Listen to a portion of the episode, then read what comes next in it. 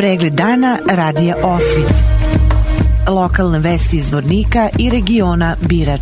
Pratite pregled dana za 14. oktobar 2023. godine. U Zvorniku u nedelju 15. oktobra počinje grejna sezona i trajeće do 15. aprila 2024. godine. Kako je rekao vršilac dužnosti direktora Zvornik stana Stevo Savić, u novu sezonu krenuće sa starim cenama od 2,70 konvertibilih maraka po metru kvadratnom, a o poskupljenju odlučivaće se na prvoj narodnoj sednici Skupštine grada Zvornika. Predazeće Zvornik stan kada je u pitanju stambeni prostor trenutno greje negde oko 72.000 metara kvadratnih ili oko 1350 korisnika koji dobijaju toplotnu energiju putem tri rajonske kotlarnice. Početak rada pripremnih odelenja predškolske nastave na području Zvornika bio je ranije planiran za prvi ponedeljak u mesecu oktobru, ali je zbog tehničkih problema početak rada pomeren za dve sedmice. Prema informacijama iz javne ustanove Naša radost, početak rada pripremnih odelenja na području teritorije celog Zvornika planiran je za 16. oktobar ove godine. Pohađanje predškolske nastave u pripremnim odelenjima na prostoru celog Zvornika biće potpuno besplatno za sve mališane, a kompletne troškovi ove godine snosit će gradska uprava Zvornik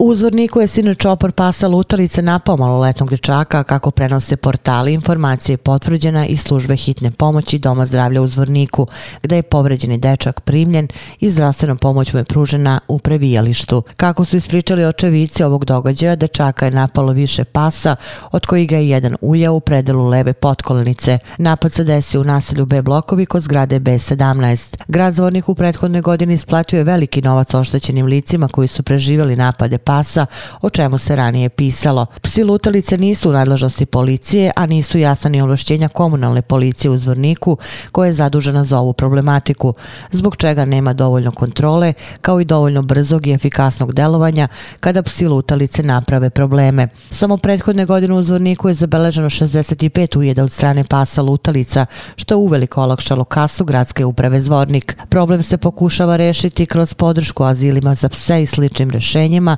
ali ona još uvek nisu u potpunosti rešila problem pasa lutalica. Pored zabeleženih ujeda pasa postoji dobar broj incidenata koji se uopšte ne prijavljuju.